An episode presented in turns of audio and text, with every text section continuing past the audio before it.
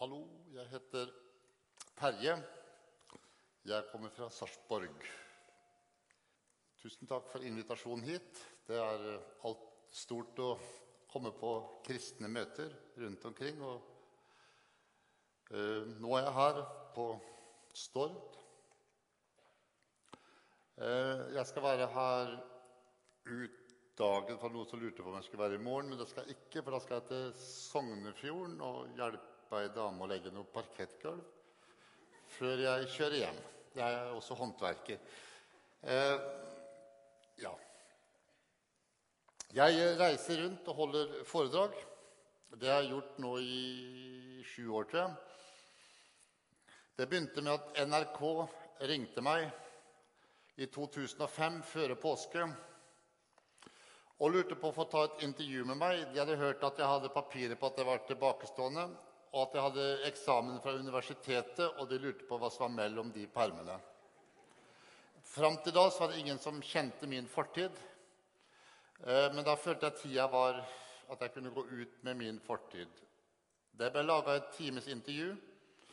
Det skulle sendes på sommeren i 2005 men ble da sendt tre ganger på skjærtorsdag i 2005. Det var sendt syv ganger i reprise, sist gang i januar i fjor. Programmet eh, ble laga av eh, en journalist der, og hun ringte meg dagen etterpå og sa hun hadde spilt av det for sjefen sin i NRK. Og han hadde gått oppe hele natta, så han hadde gjort inntrykk på han. Og han hadde sagt at dette er død og begravelse og oppstandelse. Dette skal ikke sendes i sommer, dette skal sendes på skjærtorsdag. Det ble sendt tre ganger den skjærtorsdagen. Eh, da begynte telefonene å ringe, og siden har de ringt på invitasjoner til rundt omkring å holde foredrag. Eh, jeg har da reist rundt eh, i hele Norge og deler av Sverige. Jeg har besøkt alt fra sjette klasse i barneskolen til universitetet, med alle typer skoler imellom. Lærerhøyskoler, folkehøyskoler, osv. Jeg har besøkt Frimur, Odd Fellow og Rotary og Rebekka-losjer. Jeg har eh, besøkt fengsler, seminar for innsatte, seminar for ansatte i fengsel. Jeg har besøkt masse Nav-tilstelninger i landet. Og jeg reiser rundt hele tiden. Nå er jeg her, og neste sted skal jeg da opp på Evjetun. Og så er det helt fram til jul som jeg da blitt spurt om å komme hit og dit og holde foredrag. Jeg var også førstegangs hos frimurerne. Jeg visste ikke hva frimurere var. Jeg var jo sjøl maler, og jeg var fri i Herren, for den som sønnen har frigjort. Han er virkelig fri. Så jeg følte at jeg måtte være en av disse her frie håndverkerne. Eh, jeg kom på min motorsykkel. Hvis du lurer på hva slags motorsykkel jeg kjører nå, så står den på utsida bak her.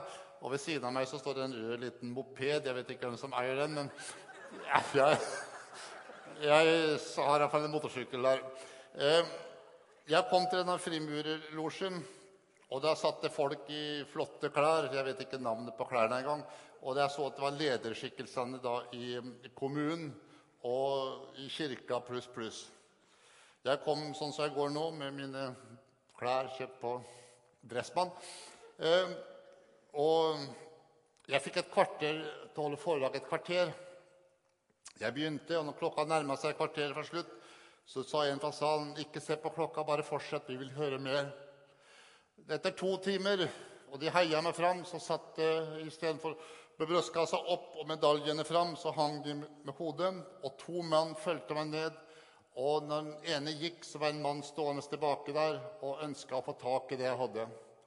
En kan ikke påberope seg frihet. Frihet er noen, noen må settes fri. En må settes fri. En blir ikke fri av å påberope seg, men noen må sette en fri. Og den som Sønnen har frigjort, som jeg sier, blir virkelig fri.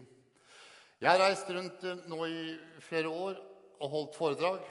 At noen reiser og holder foredrag, er ikke noe spesielt, for det har folk gjort bestandig. Men at jeg reiser rundt og holder foredrag, det er ganske unikt. For i 2003 da ble jeg friskmeldt etter å ha vært åndssvak i 43 år, ifølge den tunge ekspertise. Den tunge ekspertise mente at jeg var såpass tilbakestående to, når jeg var ti, ni år gammel, at jeg aldri ville kunne komme til å lære tall og bokstaver. Den tunge ekspertise ville ha meg plassert på et åndssvakehjem for barn i 1960. Eh, den tunge ekspertisen tok fra meg hele min eh, framtid, fortid, nutid, av det måtte være, og ruinerte meg fullstendig i forhold til alt det andre som var rundt meg. I 2003 så eh, hadde jeg tatt ferdig gymnasieskolen på to år. Jeg hadde bestått alle fagene. Jeg hadde tatt også X-fil og X-fag på universitetet. Og jeg skjønte det at enten så var jeg feildiagnosert, eller så var universitetet en verna bedrift. Jeg, jeg, jeg saksøkte staten, og for å bevise at jeg ikke var tilbakestående, så måtte jeg da eh, jeg måtte bevise min uskyld. Altså omvendt av det som, eh, som eh, det lovverket er bygd opp på.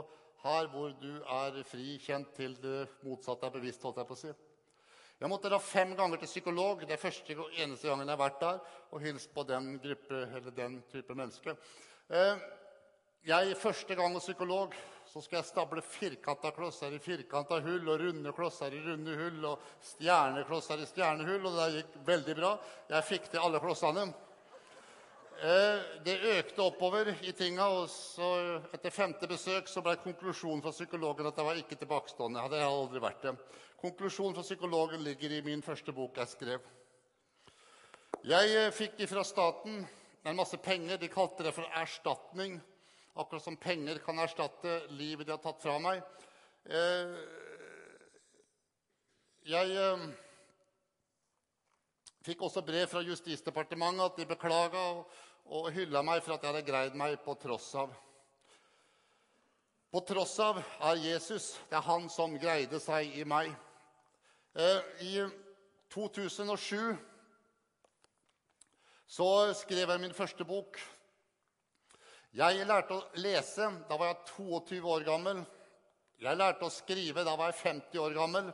Jeg kunne vel et skrivspråk før det, sånn, men jeg praktiserte det ikke for at folk lo når de så hvordan og hva måten jeg skrev på.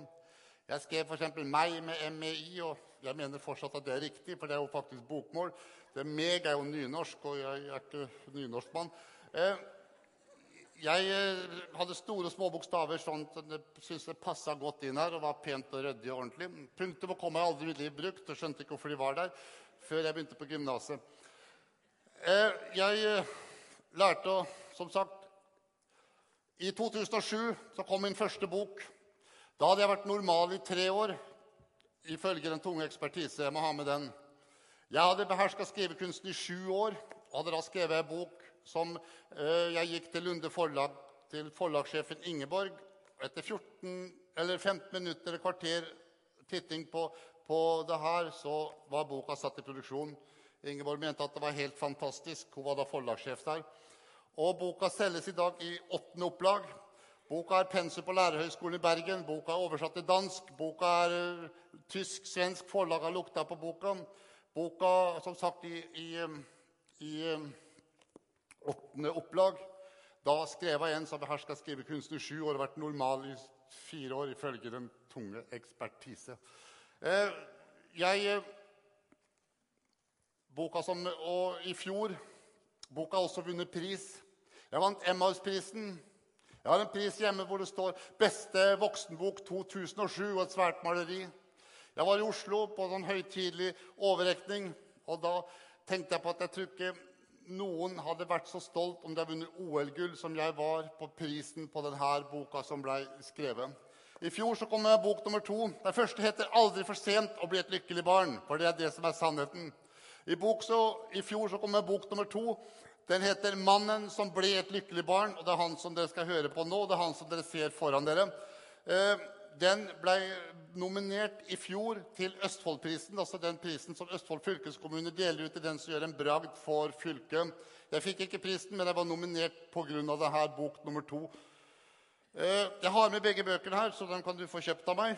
Jeg tar 250 kroner per bok, og kjøper du to stykker, så får du den for 500.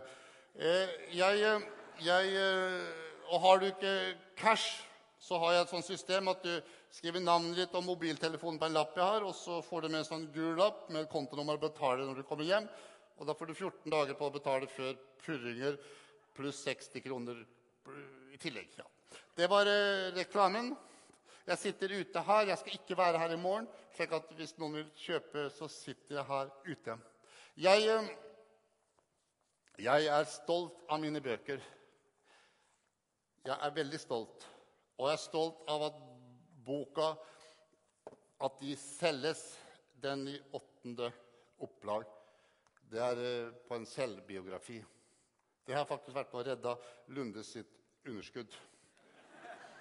Eh, jeg eh, er født i 1950. Jeg er født i et alkoholikerhjem. Jeg har opplevd vold ifra jeg ble født. Vi flytta og flytta. Presten i Rygge kirke han døpte meg i 1951. Dåpsattesten ligger også i boka. Ifølge presten i Rygge kirke så var jeg født to ganger. Jeg er født den 22.12.1950, og så er jeg født den 27.12.1950. Begge, begge datoene står på samme dåpsattest i boka, så jeg har det skriftlig fra pressen. Sjøl husker jeg ikke når jeg var født, for jeg var så liten da, men jeg vet at begge datoene er feil. Jeg er født 16.8.1970, og det skal jeg komme fram til. Jeg begynte i første klasse på skolen i Eidsvåg i Romsdal. Og da bodde vi i en sånn kjeller i et uferdig hus. Hvor vi helt i bunnen i en kjeller, mørkt, rått. Der opplevde jeg vold helt inn på livet. Grusom vold, hvor mor mi blir voldtatt foran øya på oss, hvor blir slått. Mor mi ble såpass fysisk skada av volden at hun ble sendt på Molde sykehus. Doktorene kan spjelke armer og ben og sy sår. Doktoren kan ikke reparere i hodet vårt det vi får med oss av traumer.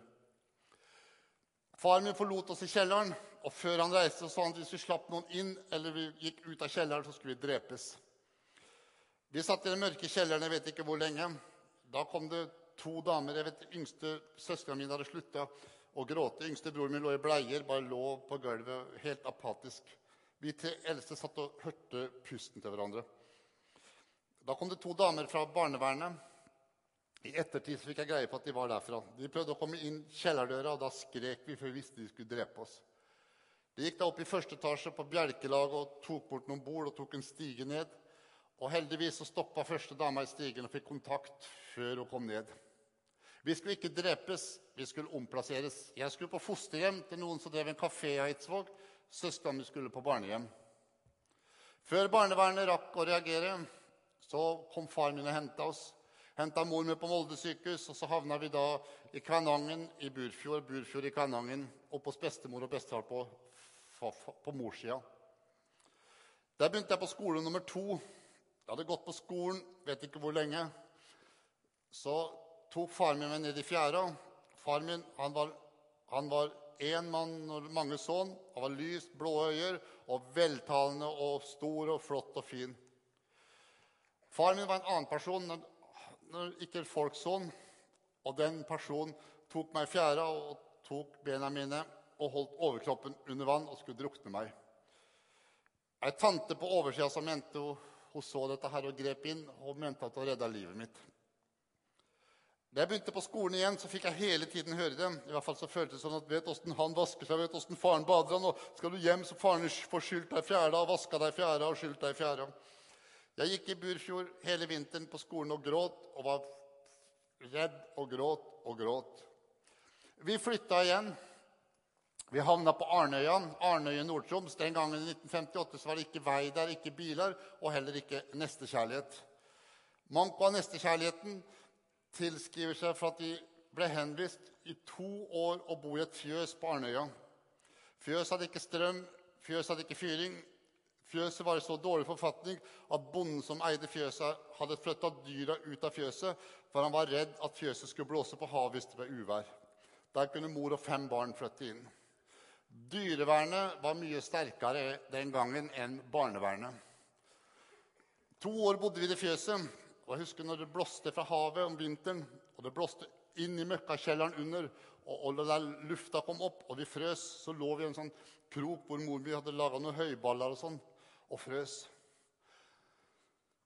Og så gikk og følte oss fram i det her mørke kjelleren. Når far min gikk til angrep, så løp vi, og vi skrek. Og det, ja. Jeg, da begynte vi på Arnehamn internatskole, skole nummer tre i serien. Første skoledag når vi kom, jeg og mine eldste søsken, Så hoppa de rundt og så sa den der kommer fra et fjøs, der bor et fjøs, der bor et fjøs. det er fjøsnissene. Og så hoppa de rundt og kalte oss for dyrenavn. Jeg ble kalt for Gråsauen. De hoppa rundt meg og breka som en sau. Jeg ble henvist til rom nummer 80 i andre etasje på internatbygget. Første kvelden jeg skulle kle av meg og legge meg, så sto jeg i min hjemmestrikka sånn ullunderbukse som rakk opp på her og ned på hærestykket. Dette syntes ungdommen på skolen var så morsomt, så de ropte alle inn på rommet så kom og se på underbuksa til fjøsnissen. Husker jeg gråt, og jeg prøvde å gjemme meg under senga og ta teppet på meg. De bare holdt på. De kom opp på rommet når de kjeda seg, det tror de gjorde ofte, og, og, og, skulle se på underbuksa mi. Etter hvert så dro de av meg underbuksa og bar meg naken inn på jenterommet. De ungdommen de husker jeg kom med en stor spiker opp på rommet og tvang meg til å sette ned en stikkontakt. Jeg fikk strøm meg, så jeg skrek og skrek og skrek. Dette syntes de var så morsomt, og de kom med spikeren og tvang meg. Etter hvert når de kom med spikeren, løp jeg og henta spikeren, og så satte jeg ned stikkontakten, og så sto og skrek og skrek og skrek og skrek og fikk strøm meg. De, jeg jobba som håndverker i mange år, og jeg har skrudd av masse sånne deksler på kontakter for å tapetsere maler bak. Og Det har hendt at jeg kommer borti og fått strøm i meg. og Noen ganger så får jeg strøm i meg som er veldig ubehagelig, og noen ganger får jeg også hele Arnøya midt i trynet. Og da har jeg pakka sammen verktøy og gått hjem. Terje Viken han sturet en dag eller to. Terje Forsberg, han som står her nå, han sturer en time eller to, så går det over. Ungdommen på internatet tok meg på oversida av skolen og kasta sten på meg. Den siste steinen knuste fortennene mine og gikk inn i hodet mitt og kortslutta hodet mitt. Jeg fikk ti døgns opphold på Skjervøy sykehus. Jeg fikk to opphold på Berger Haukeland sykehus i Bergen. Men jeg ligger to ganger hvor jeg var inne i døden for hodet gikk fullt av materie. Jeg levde hele min barndom, ungdom, uten fortenner, uten å ha vært hos tannlege. Første gang mitt liv jeg var hos tannlege, var jeg 24 år gammel. Da fikk jeg satt inn nye tenner og fikk reparert en del hull og fikk tatt bort tannverken. Vi flytta igjen fra Arnøya. Vi havna i Sognefjorden, Tønjum. Der begynte jeg på ny skole. Jeg hadde gått på skolen ca. 14 dager, tre ukers tid. Så får mor mi dette her berømte brevet hjem fra skolemyndighetene, hvor de skriver til henne om meg at jeg er tilbakestående. At jeg er såpass tilbakestående at jeg aldri vil kunne komme til å lære tall og bokstaver. Når moren min leser brevet, så tar hun ris og slår meg og slår og skriker at jeg har ikke født noen åndssvake unge. jeg har ikke født noen åndssvake unge, Og slo og slo. Jeg visste ikke hva en åndssvak unge var. Jeg vet ikke nå heller, for jeg har aldri møtt et åndssvakt menneske. Jeg har bare møtt forskjellige mennesker. Det er syv milliarder mennesker på jorda, ikke to av dem er like. Jeg har aldri møtt åndssvake folk. De fins ikke. Da ble det søkt plass om meg på et åndssvakehjem. Og jeg, jeg begynte på skolen i september i 1960. Jeg ble tatt ut av skolen. Og mens jeg gikk og venta på plass på åndssvakehjem, hvor barna og voksne pekte og sa han er en sånn åndssvak, han skal på sånn hjem, han er en sånn åndssvak. Jeg husker jeg gjemte meg bak busker, gjemte meg bak når det kom folk. 18. januar året etterpå så fikk skolen endelig avslag, og skolen måtte ta meg tilbake igjen. Da skulle jeg gått i fjerde klasse, men ble flytta ned i andre klasse og måtte sitte bakerst og tegne mens de andre fikk undervisning. Vi flytta igjen. Vi havna på Lærdalsøyri. Der fikk vi bo på havnelageret på kaia. Et gammelt pakkhus hvor samvirkelaget hadde kølalageret sitt. Det var en ny skole med en ny, brutal lærer. Vi flytta igjen derifra. Jeg skal hoppe fort i det her onde. I boka mi der så skriver jeg dokumentert av alle oppvekstsjefer rundt omkring som, eh, som Bilighetsutvalget har kontakta, og de måtte redegjøre for de papirene som var den gangen. Og Det er ikke én oppvekstsjef, det er ikke én rådmann i boka som har forsvart meg. De har bare forsvart de lærerne og den situasjonen som var den gangen. Så i deres øyne så er jeg fortsatt tilbakestående. Fortsatt har jeg da skylda. Men rettsvesenet de mente noe annet. Det, men samme hva de mener, jeg er den jeg er. Vi flytta igjen og havna på Østlandet. Skjeberg skole, Gunnarstorp. Der skulle jeg da begynne. Det var den sjette skoleserien. Og jeg husker jeg gikk til skolen, og jeg husker jeg satt i veikanten og hadde nervesambrudd og var så redd. Hele meg skalv. Jeg kom uten fortenner og, og gikk rart, og så hadde jeg dårlige klær. Læreren på skolen leser brevet som fulgte med meg. Høyt så svinte meg at det står i brevet sånn at du har vært en umulig gutt i Lærdal. sånn. Der skal jeg få vite og få skikk på sånne som deg. Titta på meg med sånne vemmelige lærerøyne. Eh, lærerne den gangen hadde vemmelige øyer. Det var kanskje derfor de ble lærere. Jeg vet ikke. Han, eh, nå sitter noen lærere her, så jeg lurer på å sitte helt rolig og ikke gi deg til kjenne, så går det sikkert bra. Og kanskje har tida blitt forandra. Jeg vet ikke. Eh, jeg hadde seks lærere på seks år. Jeg har ikke et godt minne av noen av dem. Ikke ett menneske som tok vare på meg. Tre av de banka meg. Jeg, Høyt så sier han til meg at det står i brevet at du har vært en umulig gutt i lærdom. Sånn. Men her skal jeg vite for skikk på sånne som deg. Og da husker Jeg fikk panikk og reiste meg opp, og så løp jeg ut. Og jeg løp og løp og løp og var så redd. Jeg hadde aldri vært i den delen av verden før. Jeg løp opp i en svær granskau, og jeg løp og jeg løp og jeg løp, og jeg skrek og jeg skrek, og jeg var så redd. Og jeg løp og jeg skrek, og jeg var så redd. Jeg var ute, Det var mørkt, og det var lyst, og det var frøs. og jeg, Alt var kaos i hodet mitt. Politiet fant meg. De hadde sendt ut en sånn manngard for å lete etter meg. Jeg skjønner ikke hvorfor, men de hadde, gjorde noe det. Jeg eh, nekta å møte opp nede på skolen. Og da husker jeg Mor mi tok en sånn kjepp og slo og skrek og slo. Ikke for at jeg skulle på skolen for å få kunnskap, for det kunne jeg ikke få, for jeg var jo tilbakestående. Men jeg skulle gå på skolen for at ikke hun skulle bli brydd av lærerne. Jeg nekta å møte opp. Jeg satt i skauen og var livredd.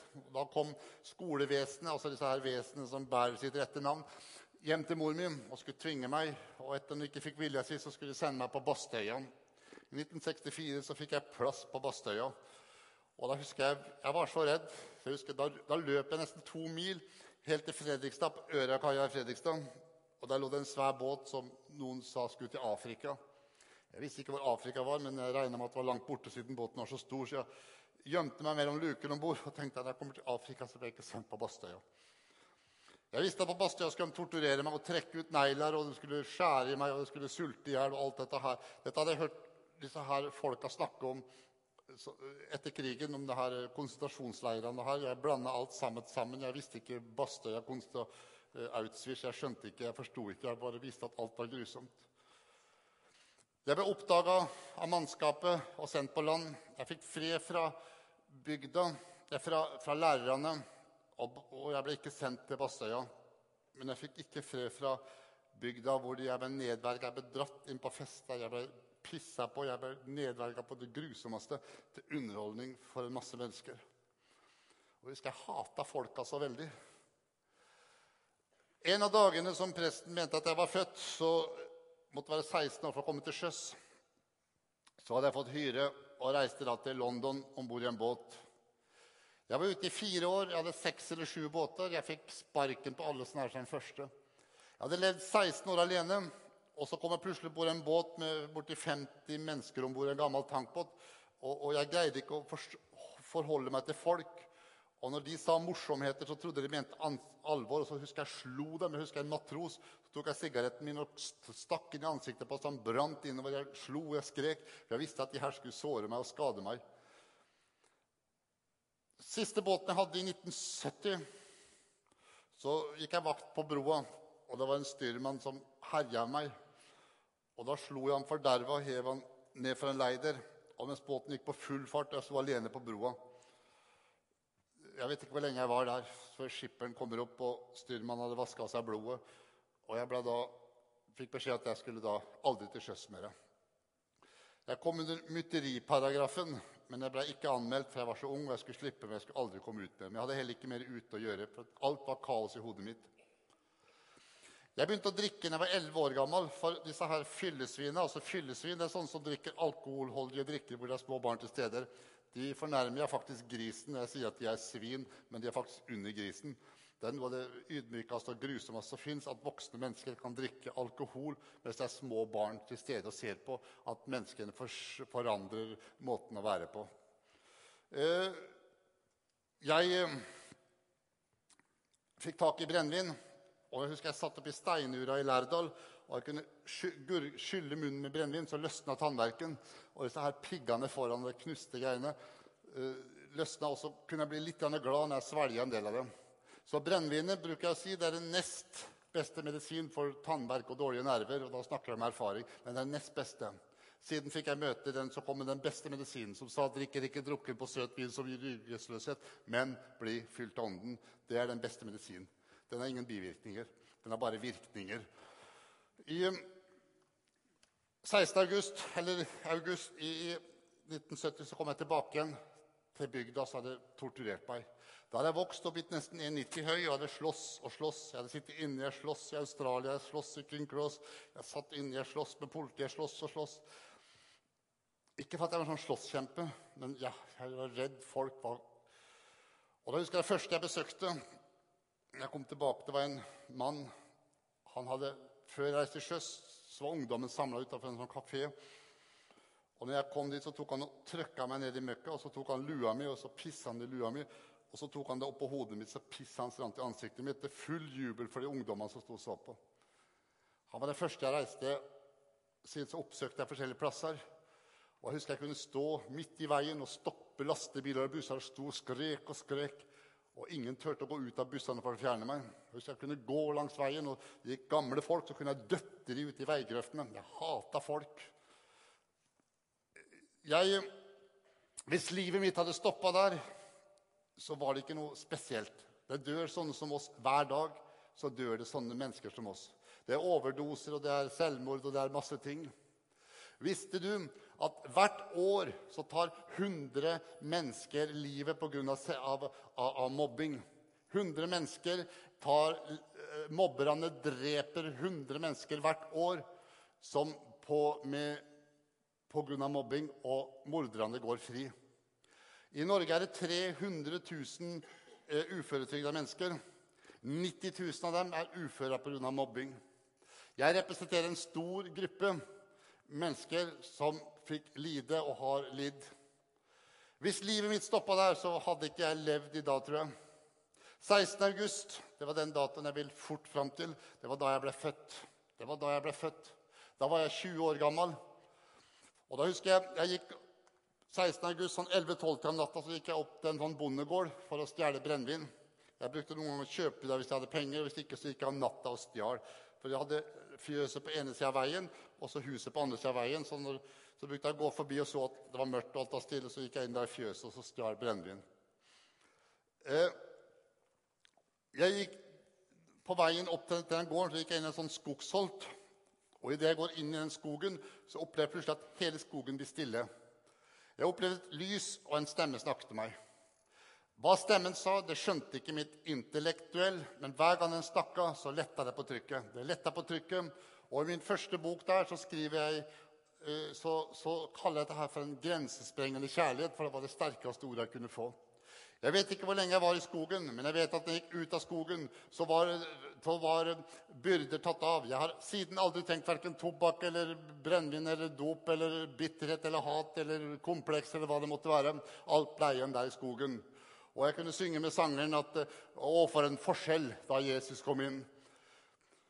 Jeg visste ikke at det var Jesus, jeg visste ikke de tingene her sånn, men jeg fortalte det til bygda etterpå å være opplevd i skogen. Og da var det noen som sa at Forsberg har blitt religiøs. Og når han kan bli religiøs, så kan alle bli religiøse. Jeg gikk jeg fortalte folk at jeg blitt religiøs. Jeg visste ikke navnet på det. Men jeg visste at noe var skjedd inni meg.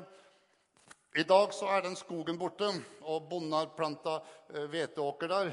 Og på den posten hvor Jesus møtte meg i skogen nå, så har en eller annen satt opp en vannpost. Hvis du går der nå, så, du, så er det vannpost akkurat på den posten. Merkelig. Jeg var oppe her sammen med en i, som kjørte motorsykkel, så ville se denne plassen oppe i skogen. Eh, jeg fikk også drikke det vann der. Det var ikke det vannet som åpna krana med, men det var noe som åpna mitt hjerte. To-tre dager etter hendelsen her, så hadde mora og søstera mi sagt at de hadde med meg, sagt at noe må ha skjedd med Terje. for Han er helt forandra. Og jeg var forandra. Jeg var forandra. Noe inni meg. Jeg Utapå var jeg møkkete, jeg var tannløs, jeg hadde en rar gang. Jeg subba og gikk i filler og traser. Men, men inni meg så hadde jeg en sånn underlig fred som jeg aldri før har hatt. Eh, Tre-fire dager etter hendelsen så gikk jeg på en papirfabrikk. Da kjente jeg var sånn sterk. Gikk jeg bort og spurte om å få jobb. Jeg fortalte dem at jeg var tilbakestående. Men nå var jeg blitt religiøs og hadde slutta å slå folk og slutta å drikke brennevin. Så lurte på om de hadde jobb til meg. Og i 1970 så var det arbeid for de fleste. Jeg fikk jobb på, på en papirmaskin. Jeg skulle sitte og passe på når papiret gikk forbi. Og så skulle jeg blåse ei lita fløyte hvis det gikk noe gærent med papiret. Og da kom de intellektuelle løpende og rydda opp i tinga. Jeg har etterpå sett, det, Når guttene mine har spilt fotball, så har jeg sett at det har forvirra seg en eller annen mann med en liten fløyte ute på fotballbanen òg. Så jeg lurer på om han har samme diagnosen som meg. Det vet jeg ikke. men noen ganger kan det høres sånn ut. Jeg 14 dager etter hendelsen, ca. 14 dager, så kom en mann som heter Ole Olsen. Jeg hadde aldri sett Ole Olsen før. Jeg visste ikke at han fantes engang. Ole Olsen bor nå i Skien, og på veien hit nå så kjørte jeg innom Skien og hilste på han. Det er en mann som jeg har setter veldig høyt. Han kom bort til meg og lurte på om jeg ville være med på, til baptistkirken. Jeg visste ikke hva baptister var for noe. Det var jo helt gresk for meg. og var det faktisk ennå. Jeg, jeg, men Ole Olsen så så snill ut, og jeg blei med han til baptistkirken. Og så satt vi på andre benk. Det var sånn midtrad, og så andre benk der. Hadde, og husker jeg to ting hadde med fra første møte. Det ene var at, at alle folka i salen de, de, de satt så, var så pene. Nygredd hår og rene, pene klær. Og alle satt helt sånn ordentlig. helt sånn, Det var helt underlig å se på. Jeg glana rundt. og Den gangen var jeg åndssvak, og de åndssvake har ikke noen hemninger. så vi liksom kan gjøre sånn. Det andre jeg husker fra det møtet, det var at en eller annen foreslo at de skulle synge fra 420 Evangelisten, altså i sangboka deres. Og så begynte de å synge sangen 'Og at jeg kunne min Jesus prise'. Som jeg hjertet dog så gjerne vil, fordi han ville slik nåde vise og byde meg sitt himmelrike til. Og de sang siste versen. Og hvilken lykke og deg tilhøre, takk, takk at også jeg fikk være med din gode gjerning. Du selv fullførte, jeg står fri og frelst i evighet. Da kjente jeg at hele sangen flytta inn i meg. Så da jeg kom tilbake på papirfabrikken, så gikk jeg att og fram langs papirmaskinen. Så sang jeg sangen om igjen og om igjen, akkompagnert av toermaskinen på Torp Bruk. Og den bråka så på at jeg skremte ikke noen. Og Hver gang jeg var i baptistkirka, så lærte jeg nye sanger. Så gikk jeg att og fram og sang og sang.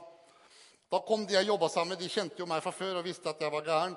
Og alt det der. Og nå, var sånn, nå sa de at jeg var blitt sånn religiøs fanatiker, kalte de det. Og jeg visste ikke hva det var for noe. Jeg vet ikke nå heller, forresten.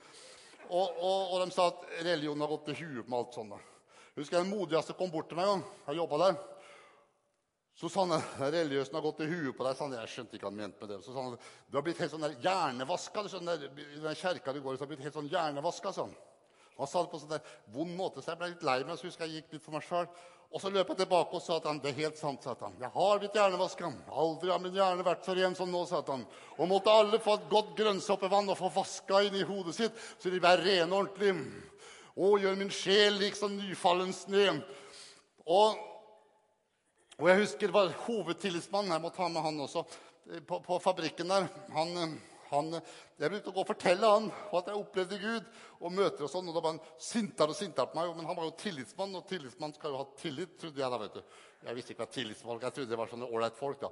Og, og, det var han sikkert òg. Og så husker jeg kom en gang og fortalte noe jeg hadde opplevd. Opplevd med Gud. Og da var han helt sånn, helt sånn han fresa mot meg. Og så sa han den der religionen har gått i huet på deg, sånn, så du skal bli innlagt på sånn psykiatrisk sykehus. Jeg er helt gæren, sånn. Og husker Jeg gikk bort, for han sa det i sånn ond tone, så jeg gikk bort og var ganske lei meg. Men hvis jeg gikk sånn bort og tenkte meg sjøl, så kjente jeg at det var ikke hodet, det var hjertet. Som sangeren synger, da falt ilden på mitt alter, hele hjertet sto i brann. Og jeg kjente at det sto i brann, så løp jeg bort og sa Kåre, Kåre, sa til han, det er ikke, det er ikke hodet, sa jeg. Jeg blir ikke gæren, sa. Det er hjertet mitt, sa jeg. Det er hjertet mitt. Og da husker jeg han ble helt sånn rar, han helt sånn vill, han bare sto sånn. Og så kom en mann og tok rundt og sa pass deg for Kåre, for han er rød. Altså, det var jo sånne kommunister den gangen. Han var kommunist, altså, pass deg for Kåre, for han er rød. Så sa det gjør ingenting, sa jeg, for i min bibel så står det at du synder er så rød, så purpur skal bli hvit, så er hviteste snø. Tre-fire år etterpå så gikk jeg på et møte i Sarpsborg. Der sto Kåre oppe i musikken. Og når andre musikk gikk ned, så sto han og gråt, og så sa han 'Huser du meg, Terje?' sa han. 'Huser du meg?' Jeg eh, jeg, eh, Andre gangen jeg var i baptistkirken, så kom det en mann som heter Syversen. Sånn, de kalte han for eldstebror, men jeg skjønner ikke at han kunne være broren min. for han var jo eldre enn faren min, så jeg forsto ikke det her. Men, eh, men, det var mye ikke jeg skjønte. Jeg husker jeg hadde sånn kors på veggen også. Jeg skjønte ikke hva kors var, så jeg spurte om skulle sånne treplanker på veggen. for liksom, Jeg forsto ikke det her sånn. Eh, nå skjønner jeg jo det, da. Men at, og de sa at han var sånn eldstebror. da. Og Jeg titta noe skeptisk på han, men jeg, var, jeg hadde mye tvil. Men, men også husker han kom bort til meg etter møtet og sa at 'Leser du Bibelen?' sa han til meg. Så sa jeg 'Bibel', sa jeg. Hva er det for noe? Og så viste han meg bok full av bokstaver. Og da sa jeg til han at jeg er tilbakestående. Jeg sa så jeg kan ikke lese. Og da titta han på meg, og så, og så, sa han 'Men Gud snakker til oss gjennom Bibelen', sånn. Og så rygga han bakover og gikk. Og da jeg husker jeg kom ut på gata etterpå, så tenkte jeg på at Gud er urettferdig. tenkte jeg. Gud er urettferdig. Oss evneveike møter han i skauen og blir salige og glade og kan sanger uten at ja. Men de intellektuelle får en hel bok i tillegg som vi tilbakestående ikke får ta del i. for vi kan ikke lese. Og mens jeg gikk og tenkte sånn, så tenkte jeg at jeg skal gjøre det jeg kan. Så gikk jeg og kjøpte meg en bibel, en sånn stor bibel, 1930-oversettelsen. Det var 1930-oversettelsen, og den store, for jeg skulle få store bokstaver. De kalte det for predikantbibel. Og jeg skulle begynne å lære å lese. Det var ikke lett. Jeg husker første møte jeg satt, jeg satt alltid på andre benk der. Og etter hvert så var det en sånn stor sone hvor ingen satt, for det lukta litt av meg. Og så var det armer og ben litt, og så tjoa jeg til litt. Og jeg ga uttrykk for følelser. vet du. De sa noen ganger at jeg var sånn til anstøt også, men jeg visste ikke hva anstøt var. så jeg lot det ligge.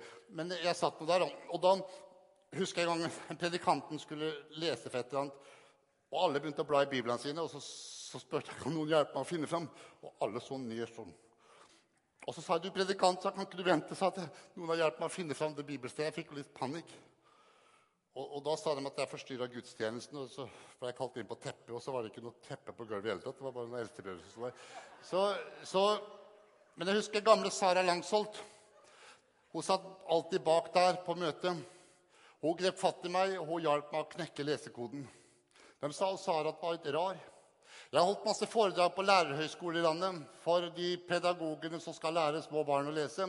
Og heldigvis så lærer de fleste barna å lese, men allikevel så er det hver femte elev som går ut av 9. klasse, kan ikke lese og skrive, så de når ikke alle. Jeg, jeg snakker da om Sara, som er den største pedagog jeg noen gang har møtt i mitt liv. Hun lærte en åndssvak gutt å lese. Jeg begynte å lese i Bibelen og jeg leste i Bibelen hver dag ca. åtte timer et helt år. Da hadde jeg lest Bibelen fra perm til perm. Jeg husker jeg leste første kapittel i Moseboka, hvor det står at i begynnelsen skapte Gud himmel og jord, og jorda var øde og tom, og Guds ånd svevde over vannet, og var et mørke osv. Da skjønte jeg at Gud snakka om meg. Jeg var øde og tom, og jeg følte at Guds ånd svevde over. Så var det så langt borte at jeg så den ikke. Så sier Gud, la det være lys, og det blei lys. Og Da skjønte jeg at det var det lyset som møtte meg i skogen og skulle stjele brennevin. det lyset der. Og Istedenfor å lese Bibelen sånn, så gikk jeg inn i Bibelen. Og så ble jeg en del av disse her personene i Bibelen. Jeg var sammen med Adam og Eva i paradiset. Jeg var med Abraham da han dro fra Ur i Kaldean. Jeg var med i Noas ark da den letta så var det ni personer i arken. Det var den åtte du leser om, og så var jeg der. Sånn ble jeg med disse personene. Jeg var med Moses da han sa til farao, 'Let my people go'. Jeg var med Josfa som gikk, så sa 'Hellige for i morgen går vi inn i landet'. Og da sa han at hvert steg du setter benet på, blir ditt når du skulle inn i landet. Og da skjønte jeg at jeg hadde en mulighet til å ta tilbake. Jeg hadde mista alt, men da hadde jeg mulighet til å kunne hente tilbake det jeg hadde mista. Så når levittene bar arken over Jordan, så løp jeg rett bak dem. Og når vi kom på land på andre siden, så begynte jeg å løpe og hente tilbake det jeg mista. Jeg har aldri snudd meg tilbake og forbanna mørket. Jeg har alltid gått fram og synger sangen 'Stans meg ei i løpet', 'Frem jeg ile må, jage ned mot målet'. I skogen der, 16.8.1970, så fikk jeg møte en som forløste meg og gjorde meg så glad og gjorde meg så salig, så at jeg kunne ikke tie med det jeg hadde hørt og det jeg hadde opplevd. Og jeg ønska mer og mer av det her. Sånn vandra gjennom Bibelen. Jeg var i, i kongebøkene, jeg var sammen med Ruth og Boas. Jeg kom over i Salmenes bok og, og Prediken osv. Passerte, passerte profetene. Jeg var med i, i Løvenes hule sammen med Ja. Jeg, jeg passerte Malakias. Husker jeg da var blitt god å lese og kom over i Nye testamentet og fikk hilse på Jesus. Jesus tok meg med opp på bergen, på bergprekenen. Og husker Jeg var med opp på Bergprekenen, og det var det flotteste og største jeg noen gang har vært borti. Det å begynne å lese første del av Matteus evangelium. Jeg leste om berge, Bergprekenen. Og mens vi er oppe på Bergpreken, så sier plutselig Jesus at salig sin er de fattige i ånden, for himlenes rike er deres. Og da så han på meg når han sa dem. Og da husker jeg å lese om igjen om igjen. Og så skjønte jeg at jeg var ikke fattig, for himlenes rike var deres. Himlenes rike var mitt. Jeg var ingen fattig. Jeg var bare ikke klar over den verdien og det, jeg eide.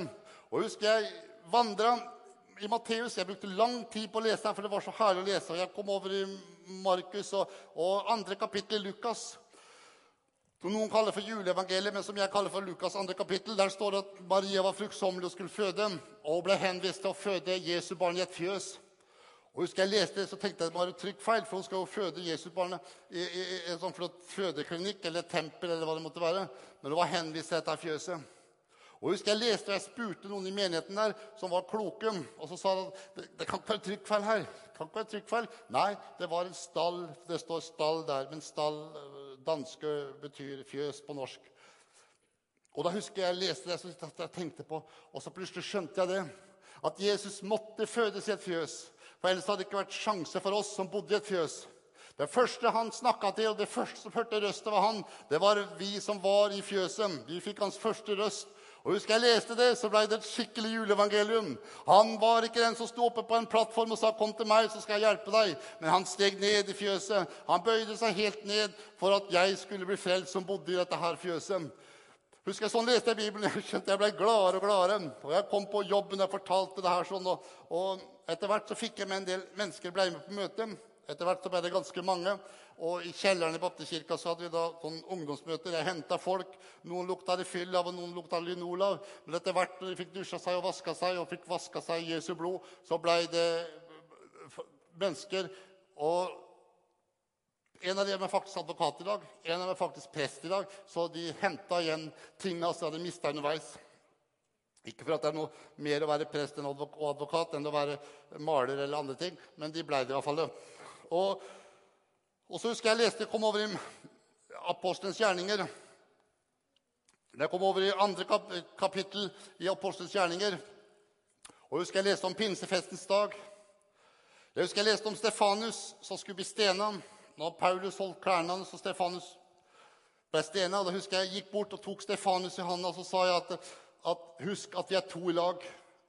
Begge, bare de som har blitt stena, vet åssen det er å bli stena, og hvem sten som gjør vondest.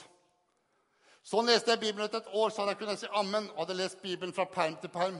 Da gikk jeg ut på gater og torver og streder og hadde kjøpt Jeg hadde jo ikke brukt noen penger, for at jeg bodde i en bitte liten hybel og tjente det, det kjøpte jeg da bibler for, ikke sånne små som Gideon deler ut, men sånne ordentlig store, og delte ut til folk.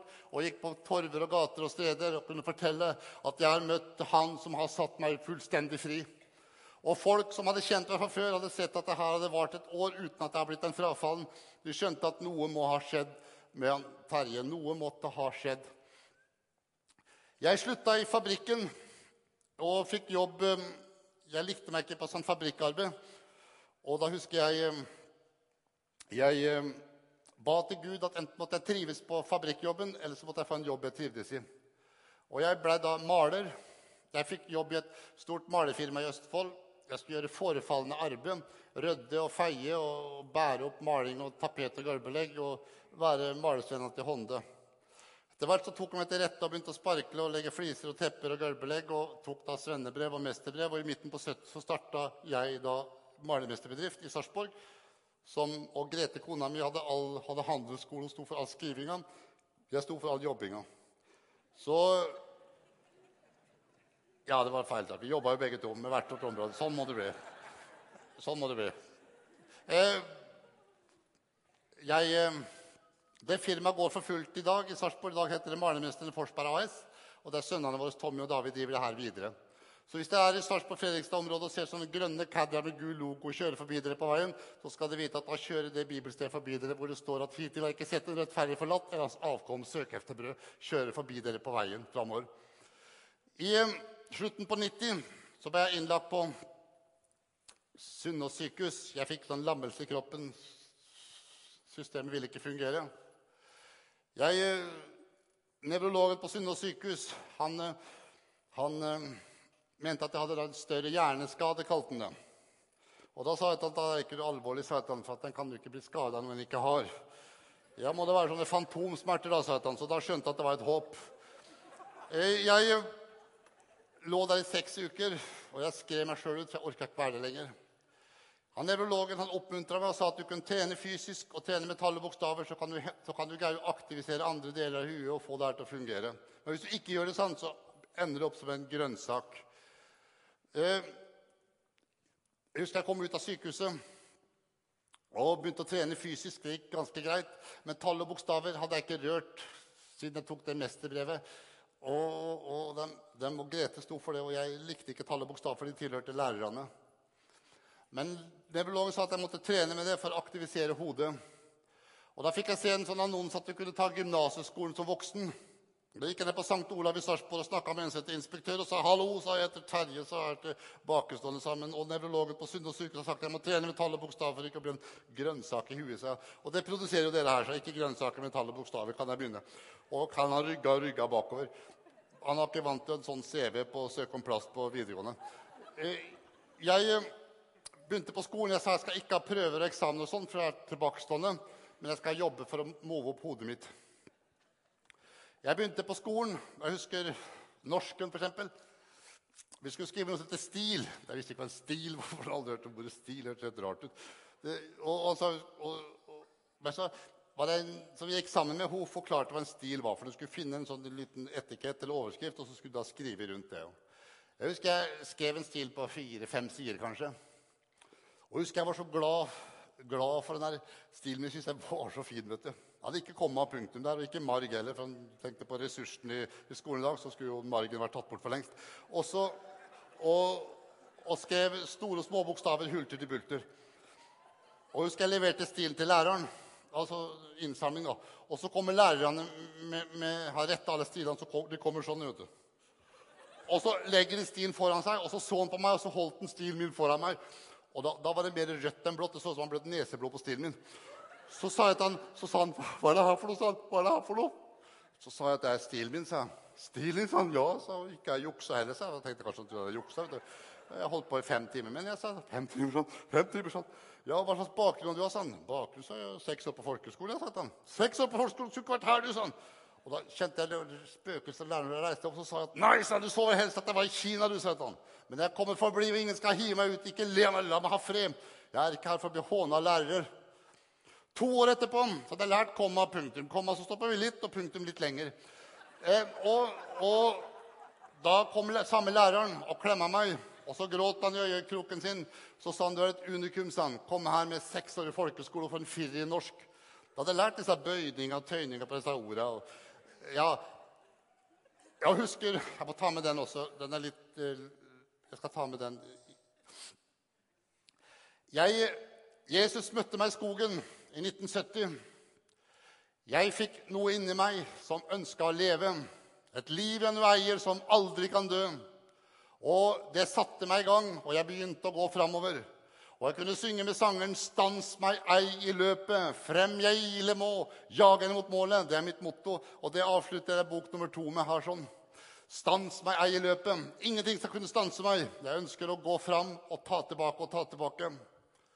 Læreren kom etter to år og klemma meg. og Han gråt og han sa at du er et unikum. sa han. Komme her med seks år i folkeskole og få en firer i norsk. Og jeg husker jeg ble så glad, Da var jeg fortsatt åndssvak, for jeg var jo ikke nordmann før i 2003. og det her var jo år 2000.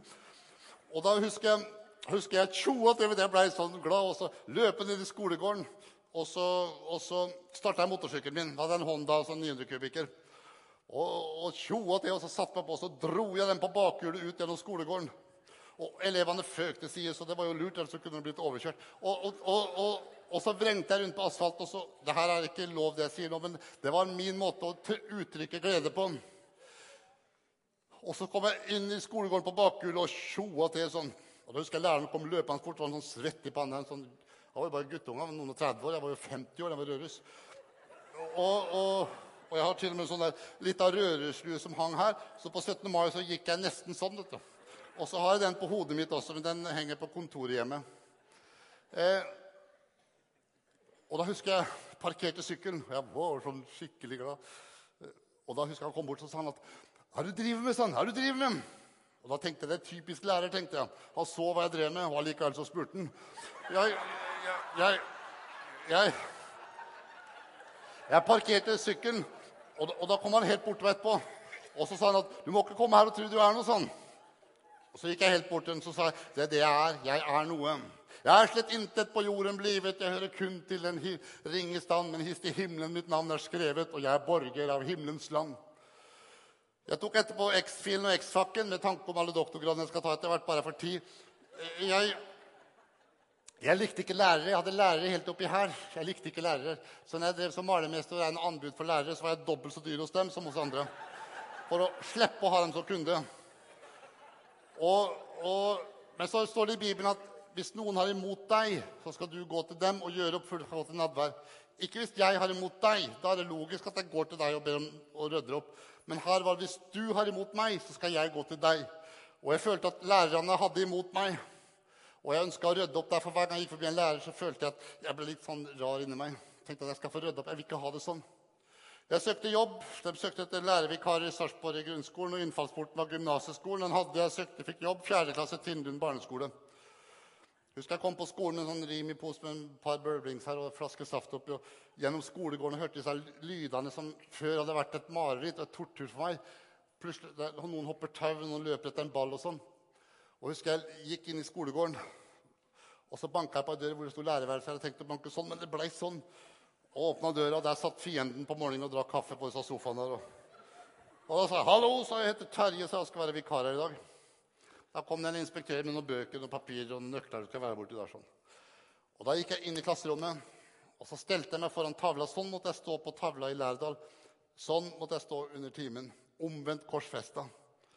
Og Jeg gikk rett opp og stelte meg sånn og tenkte at hva skjer nå? Hva skjer? Hvorfor har jeg nå blitt fienden? Og Så hørte jeg det kom barn inn i klassen, og så var det en jentestemme som sa, 'Hvem er du?' Og Da sa jeg til henne at det kan du lure på, det, sa jeg til henne, for det lurer jeg faktisk på sjæl òg. Jeg blei meg selv. Jeg hadde tenkt å være lærer i 14 dager. Jeg vant over det her skrekken. Jeg ble lærer i sju år. Jeg underviste fra første til og med tiende klasse. Jeg underviste i de fleste faga. Jeg tror om meg selv at jeg er en meget dyktig pedagog. Jeg er ikke så grundig eh, kompetent i alle fag, og sånn, men jeg tror jeg kunne få disse gutta boys til å lære.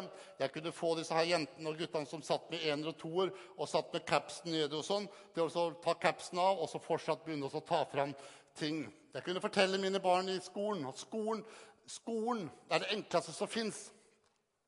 Lærerutdannelse er det enkleste som fins her i verden. Fordi at skolen består kun av 29 bokstaver. Og norsken består av 29 bokstaver, så hvis du lærer én bokstav hver dag i en måned, så kan du norsk i løpet av en måned hvis du sier unna februar uten skuddår. Jeg fortalte også at engelsken er enda enklere. Det er kun 26 bokstaver. Og matematikken er ti tall. Og så har de bilde av et verdenskart og så bilder av dyr på skolen. Det er skolen. Dette her kan alle lære. Og jeg har inspirert mange til å ta tak i seg sjøl og begynne å gå inn i kunnskapen og ta tilbake. Jeg får nå reise rundt og inspirere, vil jeg si, ungdomsskoler, videregående skoler rundt omkring når jeg reiser rundt og holder mitt foredrag. De har tatt Jesus ut av skolen, de har tatt kristendommen bort fra skolen. Jeg har hørt det mange steder at jeg får lov til å ta Jesus tilbake igjen til skolen. Jeg forteller rundt omkring både på universiteter og hvor jeg måtte være, at ikke, jeg hadde ikke hatt et møte med Jesus der i 1970, så hadde ikke jeg stått fram og vært den jeg er i dag. Dette vil jeg ha ut av skolen. Jeg skriver min siste bok og oppmuntrer også uh, ateistlærere som ikke får skikk på elevene sine og får lært dem kunnskap, til å henvise til meg og Jesus, hva han har gjort med meg, og så hvordan han henta tilbake det å kunne skrive og lese. Uh, jeg har skrevet to bøker. To bøker. Jeg har de første 40 åra jeg var frelst, så var det ingen som visste om min fortid. Ikke barna mine, ikke kona mi. Litt grann kona mi skjønte, og hadde nok en del spørsmålstegn. Men barna mine så kopierte jeg de fine folka, også de som var fine og snille med sine barn, og prøvde å være de her folka. Jeg kunne ingenting. Gutten min begynte på fotball. Jeg visste ikke hva fotball var. De snakka om corner og offside. og Jeg måtte lære meg det her etter hvert. Jeg trodde corner var en sånn der fotballsak helt til jeg begynte på gymnasieskolen og lærte engelsk. Øh, og fant ut at det var et engelsk ord. Har jeg fått lov til å tatt tilbake det her livet. På min reise så har jeg møtt masse mennesker som har våkna opp og grepet tak i livet. Jeg har hjulpet flere hundre mennesker med å søke om erstatninger. Og I bok nummer to så skriver som heter Aslaug. Jeg har fått lov til å bruke papiret og tinga rundt henne. Aslaug hadde mye lik min fortid, min oppvekst. Hun var bodd i et fjøs. Hun ble banka av stemora så tenna føk ut. Hun ble misbrukt av stefaren og bodde i et fjøs i Rakkestad kommune. Dette her er offentlig, derfor så bruker jeg det her. Når boka mi kom, så grep Dagbladet tak i denne boka og historien. Og det fikk to ganger så sto det Dagbladet første gang på første sida også om Aslaug og det at jeg hadde tatt henne fram. Det endte med at Rakkestad Rakstad kommune bevilga på stående fot 250 000 erstatning, og så fikk hun da 100 000 etterpå i erstatning. Jeg har vært eh, rundt omkring. Jeg var ute på en øy ute, utenfor Stavanger hvor en gutt kommer bort til meg etterpå og forteller om sin barndom. Og Han sier at 'jeg har også lyst til å skrive bok, sånn, men jeg vet ikke åssen jeg gjør det'. Så sa jeg nå er det ikke noe problem lenger, for nå vet du åssen du gjør det. for jeg skal hjelpe deg. Jeg skal hjelpe deg å skrive bok. Og du skal bruke fem år på prosjektet og skrive denne boka opp igjen. Jeg er på ungdomsskoler, og da er det gutta boys som med capsen over hodet, hette over hodet. Så sitter sånn jenter med uh, masse metall i ansiktet og helt svart. Alt er svart både utvendig og innvendig. De sitter gjerne sånn, og så står det masse voksne rundt dem. Når jeg begynner å fortelle, så kjenner de igjen språket mitt. Sitt språk, mitt språk, vi samme, snakker samme språk. Og hetta går av, og de kommer bort til meg etterpå. Og Jeg husker ei jente på en skole. Hun sto bare og strøk meg sånn. Hun strøk meg sånn. Og etter hvert så hadde hun fått tak i det jeg hadde fått tak i. Og, og etter hvert så forandra også utseendet seg. Det begynner i hjertet, og så forandra utseendet seg utover. Jeg var lærer i sju år. Jeg hadde en tiendeklasse en gang i norsk. Vi skulle ha en prøve i norsk. Og da var det ei jente som satt bak der, som plutselig begynte å gråte. Så gikk jeg ned og sa men stakkars lille venn, hvorfor gråter du? Så sa hun at jeg skjønner ingenting av det her. Som sa, jeg skjønner at jeg skulle følge med mer, men så sa du skal aldri si at du gråter over tall og bokstaver. Det er ikke verdt det. Spar tårene dine til noe mye mye mer verdifullt. Er det, det, er ikke noe forskjell på en to eller seks i karakter. Det betyr ingenting hvis ikke du har det godt. Uh, jeg, men så, så, så, sa jeg til jenta Men forresten, sa jeg til henne, jeg skal hjelpe deg å jukse. Og da ble jeg helt til. Ingen lærer sier sånn på en skole. vet du. Uh, men jeg sier det. Og da alle la fra seg kulepenna og skulle følge med, og jeg lære å elev under en prøve å jukse. Så sa jeg til at jeg tok gymnasieskolen. Jeg kunne ingenting av det her, så jeg kunne ikke et komma punktum gang. Men hver gang jeg hadde prøve, så folda jeg mine hender så ba jeg til Jesus. Og så tok jeg hendene fra hverandre, og så begynte jeg å jobbe. Og jeg greide alle karakterene. For jeg sa at det er makt i de foldede hender. I seg selv er de svake og små, men mot allmaktens Gud, under venner, han har lovet at svar skal du få. Jeg gikk opp og satte meg foran, og jenta begynte å skrive. Og Jeg husker ikke resultatet på det hun skrev, men, men, men hun fortsatte å skrive eh, på denne stilen. Jeg eh, har vært eh, på Universitetet i Oslo, Tromsø. Og jeg var på Universitetet i Tromsø en gang ganske tidlig og hadde foredrag for alle de ansatte der. Da kom det en mann bort til meg og så sa han at 'jeg har lest boka di', sånn, 'og nå har jeg hørt foredraget ditt'. 'Jeg er professor sånn, i psykologi, men jeg kan ikke skjønne sånn, hvordan du har greid deg'. Så sa jeg når du er professor i psykologi, da kan du mye. Det ser vi jo i forbindelse med den rettssaken så kommer alle disse psykologene hvor flinke de er. Og, og, og, greier. Eh, så sa jeg da kan du mye. Men for å skjønne meg, sa så kan du ikke forstå meg med psykologi.